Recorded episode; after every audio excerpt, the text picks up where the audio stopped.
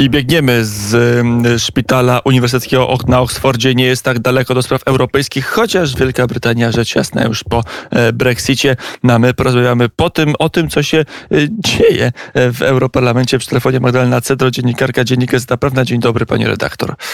Dzień dobry. Mm, I to nie będzie tym razem o pandemii, tym razem o dużych albo, albo małych roszadach w Europarlamencie. Wszystko się zaczęło jak w, w Dominie od kamyczka, może nie małego, ale znowu znowuż nie takiego wielkiego. Fidesz ostatecznie, Fidesz ostatecznie e, odszedł z Europejskiej Partii Ludowej. Viktor Orban wyprowadził swoją e, partię. Nie wiadomo jeszcze chyba gdzie koniec końców wyląduje, ale wiele osób e, marzy na prawicy, że ten mały ruch spowoduje duży ruch i że powstanie jedna duża frakcja prawicowa, konserwatywna w Europarlamencie, która będzie równie liczna jak te dwie wiodące, ludowa i, i socjalistyczna pluralistyczna e, rodziny polityczne. Na ile jest prawdy w tych wszystkich scenariuszach, które, o których się rozpisuje europejska prasa od tych kilkunastu dni? Dobrze, że pan redaktor powiedział o tym marzeniu, bo wiemy, że o konsolidacji e, i stworzeniu jednego, jednolitego frontu w Parlamencie Europejskiego e, politycy prawicowi europejscy marzą od dawna.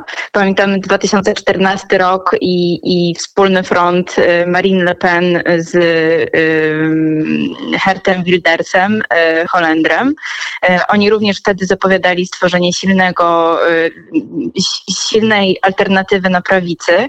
Jak wiemy, później to się, to się nie udało, ponieważ stworzyli dosyć, dosyć marginalną grupę polityczną, która nie miała y, możliwości, czy też no, europejscy konserwatyści, w której, czyli grupa, w której znajduje się Prawo i Sprawiedliwość, a wtedy również Brytyjczycy, jeszcze przed Brexitem nie dołączyła do, do Marine Le Pen i, i e, Herta Wildersa. Do tej konsolidacji nie doszło. Czy dojdzie do niej teraz? To jest bardzo dobre pytanie. Niewątpliwie no, silnym, takim bardzo silnym impulsem jest to wyjście Fidesu z Europejskiej Partii Ludowej i, i właśnie próba, próba stworzenia czegoś przez, przez premiera e, Wiktora Orbana.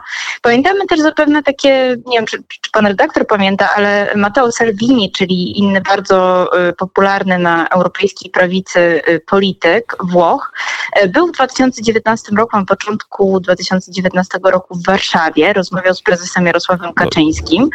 Również Wybory wtedy... roku 19 do tak. Europarlamentu majowe miały tak. przynieść wielką ofensywę prawicy w Europarlamencie i spowodować, że jakaś frakcja, być może wokół tej frakcji, gdzie jest Prawo i Sprawiedliwość Europejskich Konserwatystów i Reformatorów, stanie się bardzo istotną frakcją. Tak się e, nie stało. Mamy trzy frakcje prawicowe, wszystkie słabe. Tak byśmy je określili. Tak jest, tak. A jednym, jednym z, powodów, dla którego się tak dzieje, jest to, że w e, obu tych e, grupach, e, w grupie europejskich konserwatystów i reformatorów, gdzie jedną z dominujących dzisiaj, dzisiaj partii jest Prawo i Sprawiedliwość oraz Tożsamość i Demokracja, czyli ta, ta, ta grupa polityczna, w której znajduje się Matteo Salvini, Marine Le Pen i, i Herd Wilders, no, w, w obu tych grupach znajdują się nieco rywalizujące ze sobą, ze sobą na podwórkach krajowych partii. Tutaj dobrym przykładem są, są Włochy, czyli e, partia Salviniego Liga i e, partia Bracia Włosi, która znajduje się w, w um, europejskich, u europejskich e, konserwatystów i reformatorów razem z Prawem i Sprawiedliwością. I gdyby teraz takie dwie partie znalazły się w jednej grupie politycznej, to ich wyborcy zaczęliby mieć wątpliwości, jaka jest y, różnica pomiędzy tymi partiami, skoro one pracują w jednej grupie politycznej. Podobne, podobne, mm, podobna zagwozdka była y, przy mm, ruchu pięciu gwiazd. To jest również ta, ta zbuntowana partia włoska, która w 2017 roku weszła razem e, z Salvinim i Ligą do, do włoskiego rządu i oni również bardzo długo szukali swojego miejsca na, e, na tym europejskim firmamencie. No i ostatecznie dzisiaj są partią niezrzeszoną, bo przecież dołączanie do, do grupy, w której jest już na przykład Matteo Salvini, no, nie miałoby trochę sensu i wprowadzałoby, no, wywoływałoby na pewno zdziwienie, czy też jakąś konsternację u wyborców. Ale ja tylko dodam, żeby nie było tak, że jesteśmy gołosłowni. Przedmiotem narady właśnie tego, jak uformułować, jak na nowo w blisko dwa lata po wyborach do Europarlamentu przekuć prawo ustalenia tego Europarlamentu na, w nową silną formację, odbyło się spotkanie w Prawie i Sprawiedliwości z udziałem prezesa Jarosława Kaczyńskiego, który zawezwał europosłów, co po niektórych Prawa i Sprawiedliwości i tam debatowano o tym, czy jest taka możliwość, czy nie jest, więc widać, że część polityków przynajmniej taką szansę zobaczyła. Poseł Kresodemski mówił, że Prawo i Sprawiedliwość nie powinno się chociażby obrażać na, na Marie Le Pen, a do tej pory właśnie limes na prawo dla i Sprawiedliwości, że e, z Marie Le Pen i dalej e, w mariaże nie wchodzimy. Teraz nie wiem, czy to jest dalej aktualne. E, rzeczywiście miałam okazję rozmawiać niedawno z profesorem Krasnodębskim. On rzeczywiście mówił o tym, że, że być, może, być może na przykład ta różnica dotycząca y, podejścia wobec Rosji, ponieważ jak wiemy Liga czy Zjednoczenie, Zjednoczenie Narodowe, francuska partia Marine Le Pen, no, mają dużo bardziej przyjazne i, i mm, no, skłaniają się do, do współpracy z Rosją, co no, dla Prawa i Sprawiedliwości, e, Sprawiedliwości było do niedawna, do niedawna problemem. Rzeczywiście profesor mówi, że to nie jest najważniejsze, najważniejszy z problemów, jakie, jakie są, jeżeli chodzi o tego, tego typu konsolidacje, bo no, też różnice polegają na, na podejściu do Unii Europejskiej, tak, tak mówi profesor. Są wśród partii prawicowych na, na, na europejskiej prawicy są partie euro, e, przepraszam, eurorealistyczne i eurosceptyczne, więc to też jest jakby różnica w takim podejściu ideologicznym do, do Unii Europejskiej. Mm, też profesor Krasnodębski mówił, że jeżeli nastąpi jakaś konsolidacja, czy powstanie właśnie nowa, większa grupa e, na prawicy, to, to nie będzie jeden do jeden połączenie obu tych grup, tylko po prostu, no tutaj profesor też spogląda na przykład na prawe skrzydło um, Europejskiej Partii Ludowej. Jak wiemy, w Europejskiej Partii Ludowej no, nie koniec problemów po, po rozstaniu z Fidesem, no bo jest tam również e, słoweński e, e premier Janes Jansza, e, czy też no, bułgarski e, premier Bojko Borisow, z którego m, powodu na ulicach y, bułgarskich miast y, przez kilka miesięcy protestowali y, Bułgarzy. nie wiadomo, to... czy partia premiera Bułgarii jest wsparciem czy obciążeniem, bo to polityk, na którym ciążą dość poważne zarzuty korupcyjne, czy na w ogóle na jego formację, może nie na nim osobiście, ale na systemie rządów, który sprawuje.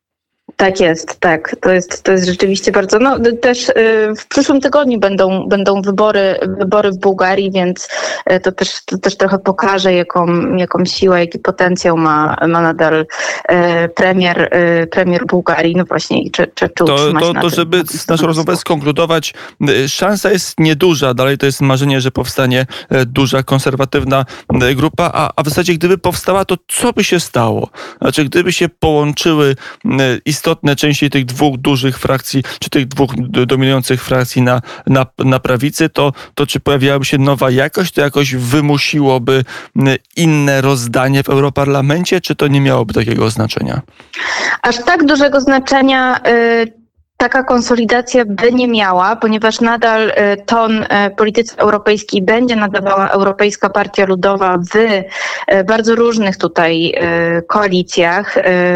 No najczęściej Europejska Partia Ludowa współpracuje z socjalistami, to im już zapewnia większość, ale są też liberałowie, są też zieloni, którzy, którzy mogą w, w różnych sprawach współpracować z Europejską Partią Ludową, więc takie kwestie na przykład związane z, nie wiem, chociażby z praworządnością, no, nawet przy, przy skonsolidowanej prawicy nie miałyby szans na, na obalenie. Natomiast y, taka skonsolidowana prawica mogłaby zacząć odgrywać większą rolę w, y, w, we władzach Parlamentu Europejskiego.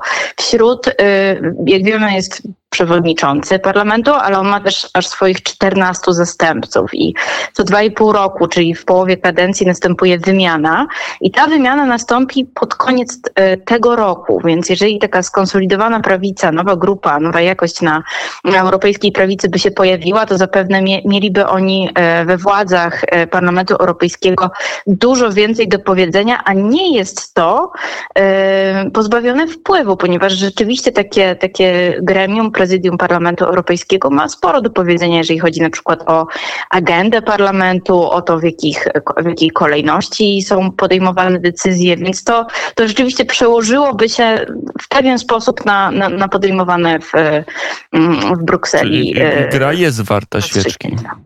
Zdecydowanie gra jest, gra jest warta świeczki.